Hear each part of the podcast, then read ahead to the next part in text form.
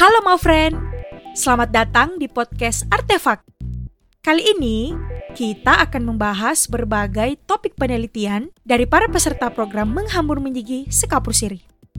Kegiatan ini berlangsung di enam kota, mulai dari Makassar, Parepare, Pangkep, Bulukumba, Labuan Bajo, hingga Nabire. Hai, saya Aden Firman. Bersama Amir Hamzah, Saputri Firman, Bondan NM, Yus Juliadi, dan Yayat Afrizal, kami urun berpartisipasi dalam kelas penelitian dan penulisan menghambur menyigi sekapur siri melalui kolektif video G di Labuan Bajo. Penelusuran kami tentang bagaimana luka di tubuh para penari caci itu diobati membawa kami bertemu dengan Bapak Nikolaus Niku. Selain pernah menjadi penari caci, rupanya beliau juga sehari-hari mengobati orang lain dengan alat terapi temuannya. Di sanalah kami mendengarkan juga ceritanya tentang pengalaman beliau mengobati dirinya sendiri, hingga bagaimana warga Manggarai mengkonsumsi daun rimba pake sebagai obat luka dalam bagi perempuan pasca melahirkan.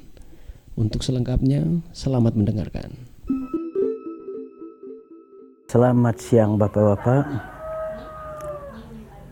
Nama saya Nikolaus Niku. Ada gelarnya dulu, insinyur saya nih, insinyur Nikolaus Niku. Jadi pekerjaan saya dulu di pegawai PNS di dinas peternakan dinas peternakan. Sebelum saya ke Kupang, saya pernah menjadi guru. tahun 77. Sesudah dua tahun saya mengajar, saya ke Kupang. Saya diberi tugas belajar oleh pemerintah daerah Manggarai waktu itu.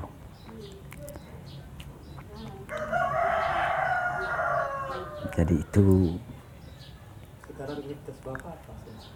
sekarang saya sudah pensiun dari PNS lalu dipercayakan bupati untuk di Komda Lansia. Saya sekretaris Komda Lansia Kabupaten Manggarai Barat.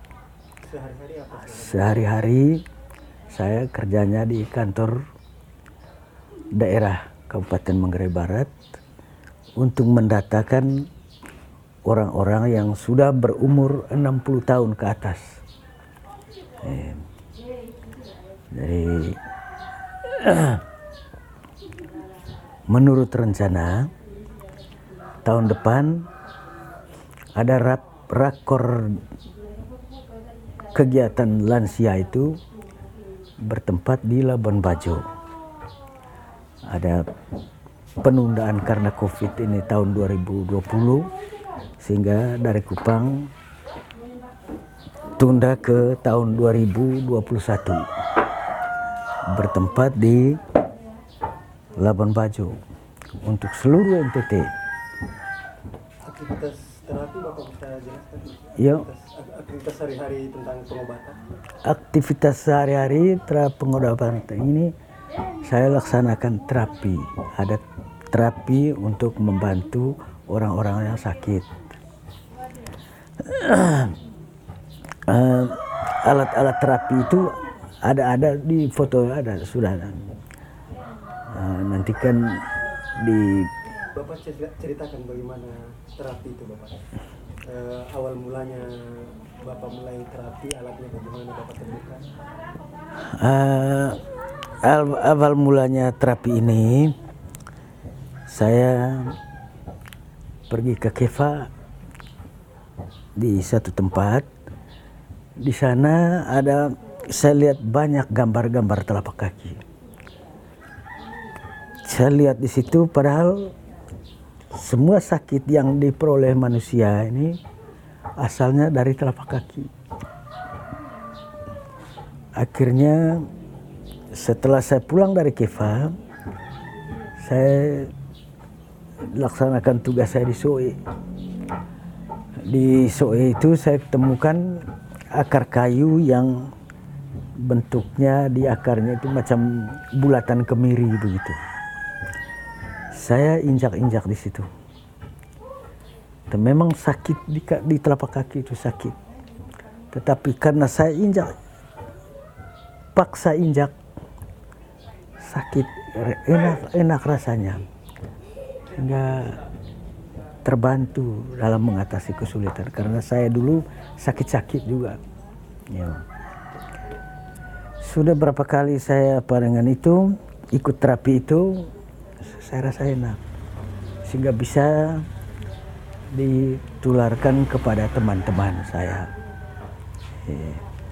Misalnya ada satu Romo yang saya terapi, Romo Dedi Madur namanya. Setelah satu tahun saya terapi dia, terapi ada perubahan dia. Pertama, memang jalannya tidak normal jalan tidak normal. Tapi setelah saya beri terapi itu ada perubahan. Ya. Muka cerah sekali. Ya. Dia menurut keterangan Romo itu, Pak saya ini tersumbat di otak. Tapi saya sarankan Romo tidak boleh operasi biar saya ketok-ketok saja di kepala itu, tidak usah dioperasi. Sebab saya pernah lihat orang operasi otak itu ada namanya guru, seorang guru namanya Mas Kapu. Tapi dua tahun kemudian guru itu meninggal. Sehingga saya bilang tidak boleh operasi itu otak itu. Karena saya lihat dia yang ada bekas itu dia punya selang di sini besar sekali. Sehingga saya bilang tidak usah, tidak usah operasi. Biar nanti saya ketok saja. Tapi pada Romo itu ada ada perubahan setelah saya beri terapi itu. Sehingga sampai sekarang masih sehat itu Romo. Sehat. Bisa ceritakan juga temuan Bapak soal apa bentuk terapi yang Bapak bikin itu? Yo, jadi alat terapi yang saya pakai itu ada dua bentuk. Menurut saya kalau kita rangsang di telapak kaki semua ini, kita injak, kita injak di sini. Kalau terangsang semua sakit kita di di telapak kaki itu sembuh dengan sendiri, tidak tidak pakai obat lain lagi. Ya. Obatnya saya hanya minum air. Kalau sudah injak-injak ini minum air banyak. Itu obat.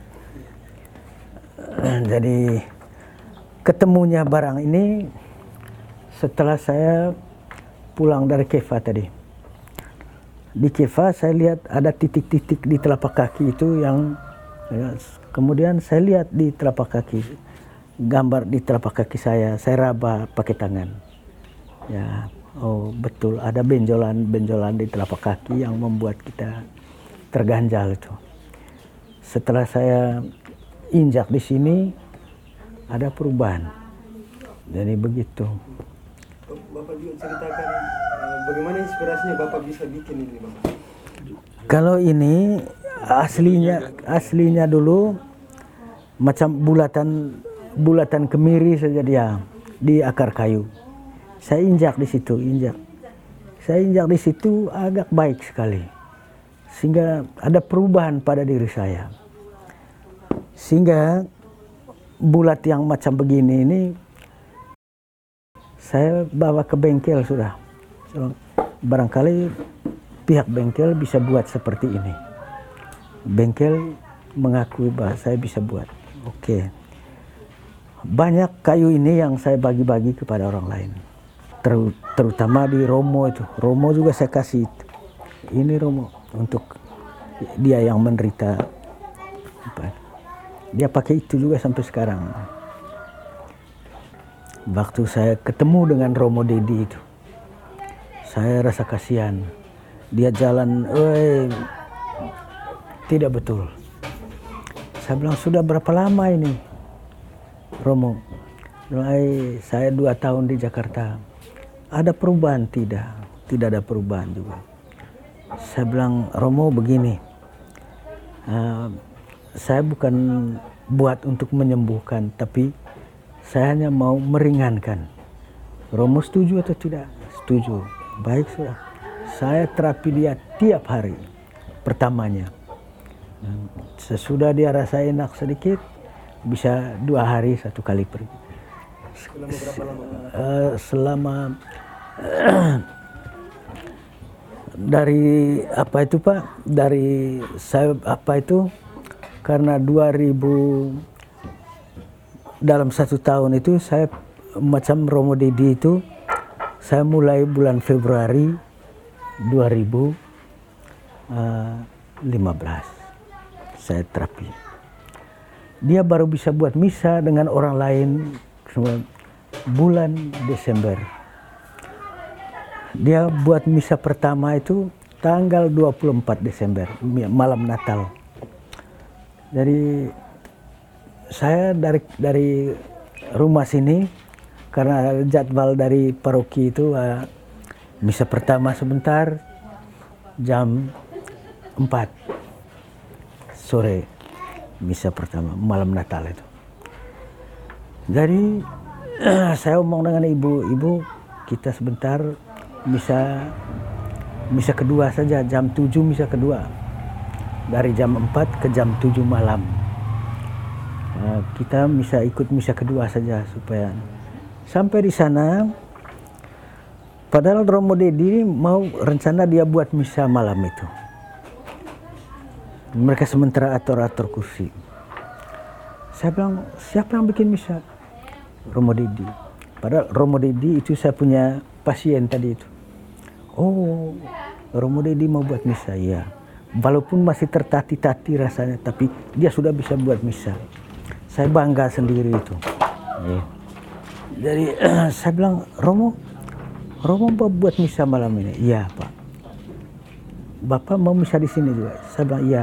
Karena orang sudah bilang tadi Romo Dedi mau buat misa. Terpaksa saya ikut Romo punya misa sudah malam ini. Akhirnya saya misa dengan Romo. Dari saya dengan ibu. Saya tanya lagi sesudah misa malam itu saya tanya lagi besok Romo misa lagi? Ya jam 8 besok misa. Terima kasih. Saya saya tidak ke gereja saya ikut misalnya Romo itu. Sesudah misa Natal itu saya ke gereja. Saya pergi jabat tangan di pastor paroki pastor paroki tidak terima sabun tangan. Karena masa datang jabat tangan salam Natal. Tadi malam tidak datang ke gereja.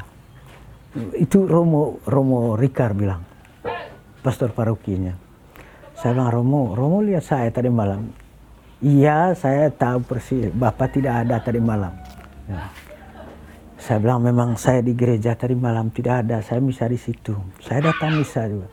Ah itu tuh berarti saya yang benar dia bilang bapak tadi malam tidak datang misa iya iya toh iya karena saya misa di situ sama di saya punya pasien itu Bapak sembuh selama Februari sampai Desember Bapak ya? Dan bisa berarti Desember. Yo. Saya saya terharu saya bilang karena dia sudah bisa buat misa tadi malam itu maka saya misa di situ. Iya. saya Romo bilang saya tidak datang misa malam ya. Memang tadi malam saya tidak ada sini, saya di situ. Di begitu. Selain kaki, Bapak juga ada bikin yang buat belakang itu. Bapak Ya, ada juga ada juga yang pakai pemukul tuh. Nah, pemukul itu menurut perasaan orang, rasa orang rasa waktu saya buat itu bagus juga. Ya, akhirnya itu yang untuk ganti urut itu saya pakai itu dan banyak orang saya sudah buat seperti itu. Hmm. sekitar berapa orang Bapak bisa perkirakan? Hmm, yang saya bisa bantu itu kira ya 5 atau 10 orang. Hmm. Ya. Yang sudah sembuh? Yo, Yang sembuh atau sembuh orang? sembuh, sembuh yo. Mereka rasa ringan juga setelah diberi terapi itu mereka rasa ringan. Dari berapa orang? 10 orang yang sembuh itu? Ya, berapa orang bapak pernah tangani dan 10 orang yang sembuh gitu ya mas ya ya.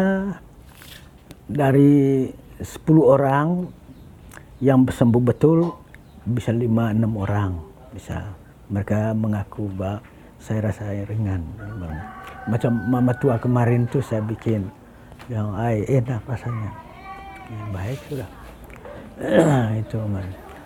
Terutama pada diri saya sendiri. Saya dulu rasa itu saya saya pukul pukul pakai itu kadangkala saya suruh ibu saya bikin karena untuk menyaksikan sendiri bagaimana ternyata ya, saya kan orang sakit juga dulu orang sakit tapi saya disembuhkan dengan itu itu makanya saya masih segar sampai sekarang ini. Ya. Bapak sudah mulai eh, terapi orang lain sejak kapan, Pak? sudah terapi orang lain itu sejak 2003 itu. Hmm. Terus terapi ada lompat ke Iya. Eh, mungkin tahun-tahunnya mau dipertegas Bapak dulu di Keva tahun berapa? Di Keva itu tahun 8 84 85. 84 itu Bapak e, bekerja sebagai e, saya diangkat dulu di Kupang. Penempatan diangkat di ya penempatan e, langsung diperbantukan pada proyek kerjasama Indonesia Australia di Besipai dulu. Besipai berkembangnya itu ke ke Soe dan Keva hmm. dari Besipai awalnya. Yo. Oke. Okay. Saya di Bapak sakit. Yo, uh, saya di peternakan dulu. Okay. Karena perkembangan eh, mau ambil alih teknologi Australia dulu ke Keva itu kita di anu kita istilahnya counterpart dulu. Tapi Kon di situ Bapak eh, apa ketemu alat ini kan? Ketemu di, alat ini. Nah, Karena saya lihat Bapak sakit tahun 84 itu. Memang tahun 84 eh, sakit itu sudah lama Pak dari dulu. Hanya saya tahan-tahan, tapi saya rasa sakit. Tapi mulai merasa sakit tahun berapa, Pak? Ah, itu sudah 8 Memang selama kuliah saja waktu itu saya sakit. Kuliah saya sakit ya. tahun tahun ah, uh, 8 berapa itu? Begini dulu, sakit itu sudah lama saya menderita itu. Uh, banyak sekali menderita sakit dulu tuh, Pak saya ke Kefa itu pergi macam ada studi begitu. Sampai di sana ada gambar-gambar telapak kaki ini. Oleh ada teman saya di sana tuh Fras Jeludi pertanahan di sini. Itu 84 ya. 8 Uh, 87 87 88. Oh itu di Yo, di Kefa itu. Saya saya belajar di gambar telapak kaki itu. Oh berarti ini semua sakit yang dialami. Saya belajar semua situ. Umpamanya ada titik-titik di situ sakit apa yang di situ. Jadi, eh, memang ada ada buku kakinya ketemu di mana Pak di rumah gambar telapak di rumah teman. Oh, itu di rumah teman itu namanya Fras Celudi. Dari Kempo juga dia. Oh, kami dari sama-sama menggerayong. Dia tunjuk ada fotokopi ini telapak kaki ini. Begitu. Saya lihat, saya ini sakit, banyak sakit saya dulu Pak. Jadi waktu saya buat terapi itu, baru saya rasa terbantu sedikit. Yo, terbantu. Sehingga sampai sekarang ini saya pakai terus saya punya terapi itu. Yo. Ah, alat-alat ini sudah itu modifikasi dari akar kayu itu pertamanya akar kayu itu macam kemiri di apa itu? Licin sekali. Saya injak di situ. Injak woi sakit di telapak kaki ini luar biasa. Tapi saya pikir saya bilang oh itu yang buat saya itu sakit karena ter, terganjal semua ini. Modifikasi semua ini sudah. Aslinya dulu ada ada di situ akar kayu yang saya ambil itu. Berarti setelah tahun 8788 itu Bapak pelajari telapak kaki itu Yo. pertama kali menyentuh pasien itu kapan Bapak? Bapak merasa eh, saya bisa apa saya bisa obati orang ini sudah nah itu bapak merasa tahun berapa? saya saya mengobati orang itu berdasarkan pengalaman diri saya sendiri okay. saya pikir begini uh, kalau saya alami itu berarti dia juga rasa itu. Sa- akhirnya apa yang ada pada saya itu saya coba di, di teman itu. Ternyata betul juga. Eh, saya pukul di situ, umpamanya semua sudah anu semua yom. Akhirnya itu yang menjadi dasar besar. Ah, pakai pemukul itu karena saya kan mau urut dengan tangan sebenarnya. Hanya karena saya tidak terlalu kuat sehingga pakai pemukul sudah. Bantu, bantu tangan itu. Ya. Dan ternyata bagus juga menurut orang. Ay, baik. Ah, baik sudah. Kalau kamu rasa bagus ya berarti saya pakai terus. Bikin terus. ya. Jadi eh, saya itu Pak, saya prihatin sekali kalau saya ke kampung-kampung, saya lihat orang ikat kepala terus. Salah apa? Sakit? Iya sakit kami ini. Saya coba kamu anu bawa telapak kaki ke sini. Saya pukul, pukul pakai kayu. Ya. Enggak di kampung saya itu Pak, kalau kalau saya ke Bangkung, saya punya ka- kampung di Bangkung. Saya saya lihat, saya jengkel sekali orang ikat-ikat kepala itu. Bilang, kamu sakit semua ini kan? Iya sakit. Saya bilang supaya jangan ikat kepala lagi, mari saya bikin. Saya pukul.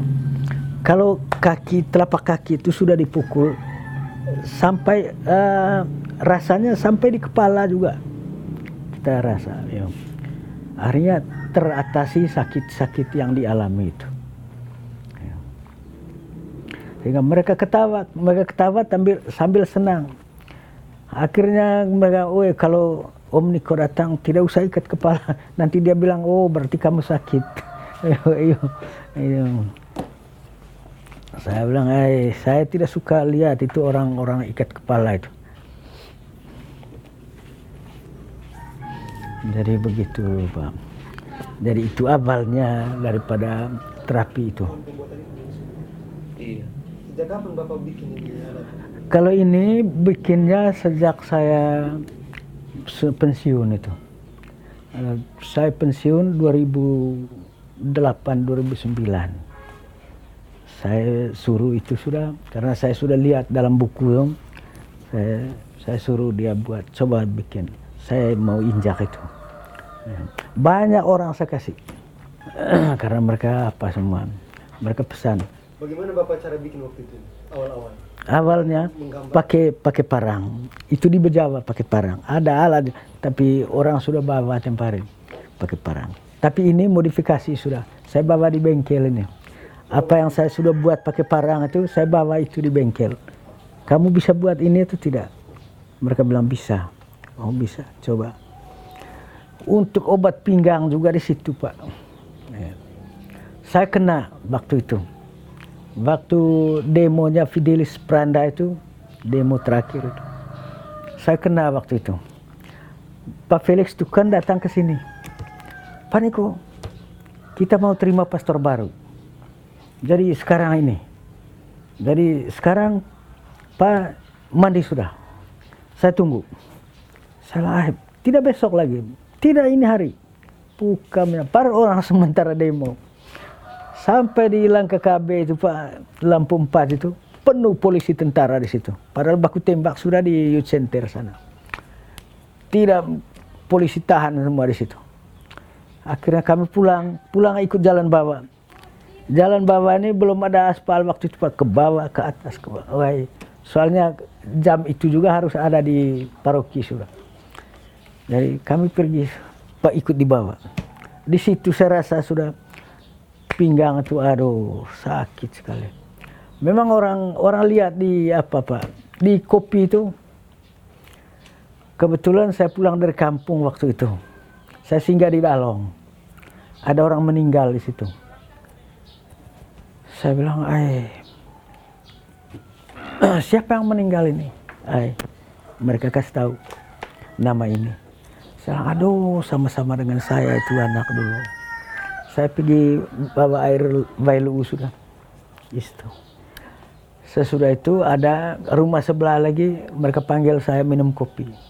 Saya tanya, siapa yang biasa lihat kopi di sini? Ada, ada. Panggil. Saya coba lihat di kopi itu saya. Mereka bilang, eh maunya datang ini datang spesial untuk lihat kopi. Tapi kalau datang hanya sekedar apa saja tidak bisa. Saya bilang, ya lihat apa saja ada di situ, kamu kasih tahu. Mereka bilang untuk lihat-lihat boleh. Dia lihat Pak punya tidak ada apa-apanya. Tapi Pak ada sakit. Mereka, saya bilang sakit di mana? Di pinggang. Bagian kanan itu yang parah. Woi, saya pikir ah saya sakit pinggang kah? Padahal padahal kena di situ kesel. Dua tiga hari sesudah itu kena sudah.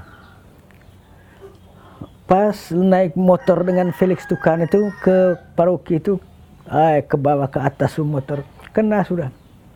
So, Oi Pak Felix, saya sakit pinggang ini. Sampai di sana Pak tidak bisa duduk. Saya rasa macam panjang pendek itu kaki. So, Oi saya tidak bisa sudah ini. Omong waktu terima pastor baru itu sudah omong-omong untuk untuk cepat selesai, tapi tidak dari hati sudah omong itu. Sudah itu sudah selesai omong, saya omong Pak Felix, Pak Felix, kau antar saya pulang sudah. Pak Felix tidak mengerti, dia bilang, eh makan dengan pastor baru dulu, jangan dulu, jangan dulu pulang.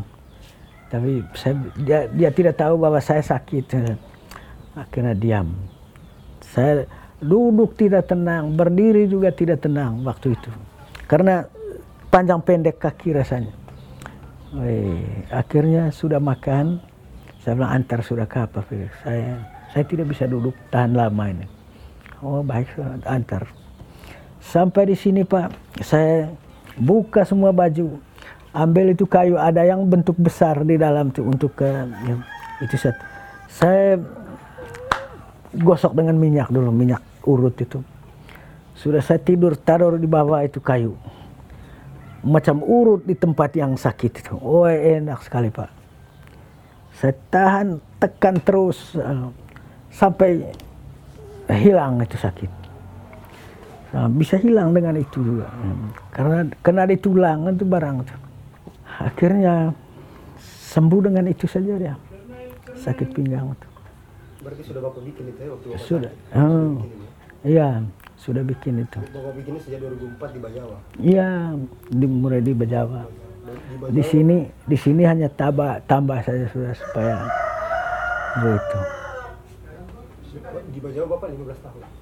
Saya lima hampir ya hampir 15 tahun juga. Kayu ini sejak di Bejawa juga saya pakai.